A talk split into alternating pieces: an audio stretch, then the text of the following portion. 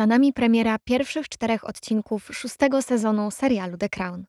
Twórcy produkcji podzielili się z widzami czterema pierwszymi odcinkami serialu. Większość fanów brytyjskiej rodziny królewskiej wieczór filmowy z The Crown ma już za sobą.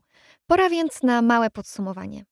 Uprzedzam, pojawi się kilka spoilerów, więc jeśli jeszcze nie obejrzałeś produkcji, proponuję nadrobić lub wysłuchać innych odcinków królewskich historii. Tymczasem czas zagłębić się w szósty sezon The Crown. Czy królowa Elżbieta II rzeczywiście nie pojawiła się na 50. urodzinach Kamili? Czy Mohamed Al-Fayed wynajął fotografa, który wykonał pełne czułości zdjęcia do Diego i Diany? I czy faktycznie książę Filip szedł za trumną Diany?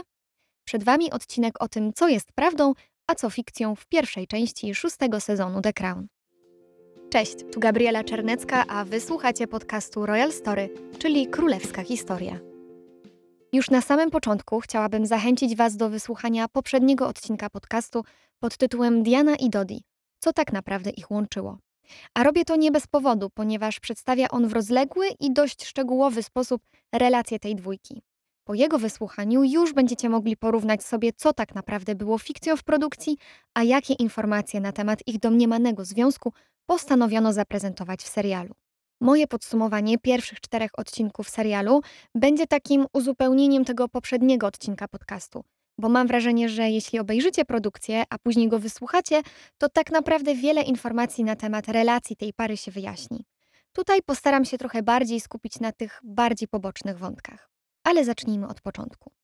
Do tej pory serial The Crown był produkcją o Elżbiecie II. I choć w każdym sezonie inne postaci przykuwały uwagę, czy to wątek księżniczki Małgorzaty, czy księcia Filipa, to ostatecznie główną postacią w serialu pozostawała królowa. W ostatnim sezonie nastąpiła jednak zmiana. Punkt ciężkości opowieści przestaje spoczywać na brytyjskiej monarchini. Tę zepchnięto na trzeci plan, bowiem pierwsza część szóstego sezonu skupia się na losach księżnej Diany. I będę z wami zupełnie szczera. Nie mogę powiedzieć, że według mnie to dobrze. Wręcz przeciwnie. Skoro produkcja od samego początku skupia się na Elżbiecie II i jak sami twórcy mówią, to serial o brytyjskiej królowej, to wprowadzanie Diany jako drugiej bohaterki tylko na cztery odcinki sprawia, że ja mam mieszane uczucia. Dodatkowo przyznam, że spodziewałam się, że skoro Elżbieta II zmarła, gdy produkcja była jeszcze w trakcie powstawania, to sądziłam, że twórcy w jakoś bardziej szczególny sposób podkreślą rolę królowej, jakoś uczczą jej panowanie. Być może zdecydowano się zrobić to w drugiej części produkcji, ale mimo wszystko trochę mam niedosyt. Przede wszystkim śmierć Diany wywarła ogromny wpływ na kształtowanie się brytyjskiej monarchii i brytyjskiej rodziny królewskiej, czego w tych czterech odcinkach praktycznie w ogóle nie widać. O tym opowiem Wam bardziej szczegółowo już niebawem, ale przyznam szczerze, że brakowało mi tego w tej części sezonu, bo byłaby to taka fajna klamra zamykająca historię Diany i nieco bardziej ukierunkowałaby ją w stronę Elżbiety II, a tym samym w stronę drugiej części The Crown, której premiera już w grudniu. W rzeczywistości w czterech odcinkach przedstawiono nam historię relacji Diany i Dodiego Alfajeda, którą kończy tragiczny wypadek w Paryżu i słynne przemówienie królowej Elżbiety II. Twórcy zdecydowali się zaprezentować tylko jedną z teorii, która mówi o tym, że Diana i Dodi byli parą. Mieli do tego pełne prawo, bo jak już wiecie z poprzedniego odcinka podcastu, dowodów na to nie ma, ale serial The Crown to fikcyjny dramat, który tylko opiera się na prawdziwych wydarzeniach, więc trudno też oczekiwać, aby producenci pokazywali każdą z teorii, jaka powstawała na temat tej pary. Taką przyjęto konwencję i nie mam co do tego uwag. Co faktycznie odwzorowano w przedstawieniu ich historii, to fakt, że to ojciec Dodiego zaprosił Dianę na jacht, a sam Dodi, dołączając do ojca i Diany, był jeszcze w związku z modelką Kelly Fisher. Co przykuło moją uwagę w tym temacie, to zaplecze historyczne. Chodzi mi tutaj o odzwierciedlenie i umieszczenie w serialu takich scen, które dla postronnych osób, które nie siedzą tak bardzo w temacie, niewiele wnoszą do historii, jedynie gdzieś tam ją poszerzają. Te sceny, choć czasami niezauważalne, mają znaczenie, bo wydarzyły się naprawdę. Mogliście nie zwrócić na nie uwagi, ale mowa o na przykład scenie, w której Dodi spędza wieczór z modelką, a całe dnie z Dianą. O rzuconym przez Mohameda do syna nieco sarkastycznym tekście o tym, że miał tyle romansów, to wie jak oczarować kobietę. Przypomina wam to coś? W odcinku o relacji Diany z Dodim opowiadam wam, że podejrzewano, że Dodi w rzeczywistości wcale nie miał aż tylu romansów, a jedynie próbowano w ten sposób przedstawiać jego wizerunek. Jak widzicie, to takie drobiazgi, ale doceniam, że produkcja gdzieś tam lawiruje między tym, co prawdziwe, a co fikcyjne. W dość, wydaje mi się, wiarygodny sposób zaprezentowano też postawę samego Mohameda Al-Fayeda w stosunku do syna. Milionerowi również w prawdziwym życiu bardzo zależało na tym, by jego syn osiągnął sukces. Chciał, by nazwisko Al-Fayed było znane i próbował na różne sposoby pomóc w tym swojemu synowi. Być może chęć zbliżenia do Diego do Diany również była jego planem, aczkolwiek to już zostawiam waszej ocenie. I tu przechodzimy do pytania, które zadaliście mi na Instagramie. Mowa o tym, czy Mohamed Al-Fayed wynajął fotografa, który zrobił słynne zdjęcia mające sugerować, że Diana i Dodi całowali się. Mohamed Al-Fayed zasłynął z tego, że ogromnie zależało mu na tym, by jego syn dorównał mu w kwestii sukcesów. Związek z księżną Wali z pewnością przebiłby wszystkie jego dotychczasowe osiągnięcia. To twoja szansa, żebym w końcu był z ciebie dumny, mówi serialowy Mohamed do syna. Czy rzeczywiście posunąłby się do tego, by samodzielnie nagłośnić relację Dodiego z księżną? W produkcji pokazano, że to Mohamed znalazł jednego z fotoreporterów i zdradził mu, gdzie obecnie znajduje się para, by zrobił gorące zdjęcia zakochanym. Niestety nie wiadomo, czy odegrał kluczową rolę w tworzeniu tego zdjęcia, ale po jego śmierci jeden z biografów, Tom Bauer, wspomniał w wywiadzie, że Alfayed z dumą pokazał mu to zdjęcie i ochoczo wyznał, że podobno niemal natychmiast kupił jacht, który pomógł jego synowi uwieść księżną Wali. Przede wszystkim jednak przypominam, że Diana niestety często sama mówiła fotoreporterom, gdzie będzie, by mogli zrobić jej zdjęcie. To była taka gra, którą lubiła z nimi prowadzić. Niestety dopiero pod koniec życia zdała sobie sprawę z tego, że paparazzi nie są od tego, żeby się z nią przyjaźnić, że to jest ich praca, by dostarczyć redakcji jak najlepsze zdjęcia, a ona jest tylko środkiem do osiągnięcia celu.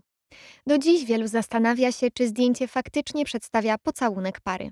Warto dodać, że sam fotograf Daniel Piri, który ostatecznie sprzedał intymne ujęcie, twierdzi, że Diana sama zaprosiła go w tamte strony, zdradzając mu, że będzie gdzieś na jachcie na Morzu Śródziemnym i że powinien się tam zjawić, ponieważ zdecydowanie będzie zadowolony ze zdjęć, które wówczas zrobi.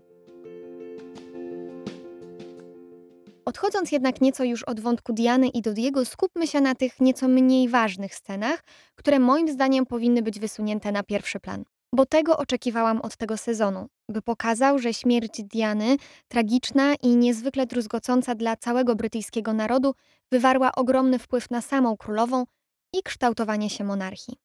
W tym temacie mam duże ale do produkcji. Liczę jednak, że ten błąd uda się naprawić w kolejnych grudniowych odcinkach. Co do scen, o których warto wspomnieć, to na przykład ta, w której Diana odwiedza Tonego Blaira. Następnie ten udaje się do królowej Elżbiety II i opowiada, że Diana czuje, że wciąż ma wiele do zaoferowania swojemu krajowi i chętnie sprawdziłaby się w nieco bardziej formalnej roli. Choć w rzeczywistości nie wiadomo, czy Tony Blair wstawił się za Dianą u monarchini, to wiadomo, że kilka tygodni przed śmiercią doszło do spotkania premiera z księżną, podczas którego omawiano jej rolę jako takiej zagranicznej ambasadorki Wielkiej Brytanii. Diana wyznała wówczas jednemu z dziennikarzy, że premier docenił jej umiejętności nawiązywania bliskich relacji. Drugi taki motyw to zaproszenie królowej Elżbiety II na 50. urodziny księżnej Kamili. Produkcji przedstawiono, że królowa nie może, choć tak naprawdę nie chce uczestniczyć w obchodach urodzin, bo ma już w tym dniu zaplanowane inne wyjście, na co Karol zwraca jej uwagę, że plany zawsze można zmienić.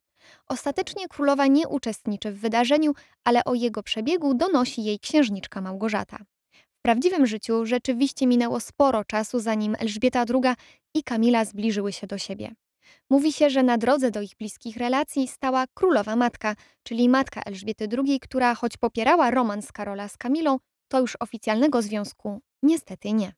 Wraz z biegiem lat monarchini rzadziej słuchała słów swojej matki i starała się okazywać w bardzo stopniowy i wyważony sposób wsparcie wobec związku syna.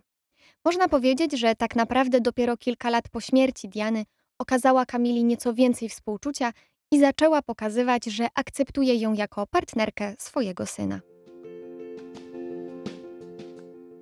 Pora teraz na parę słów o zabiegach reżyserskich. To, co mi się podobało, to motyw, który stosuje się przy filmach detektywistycznych.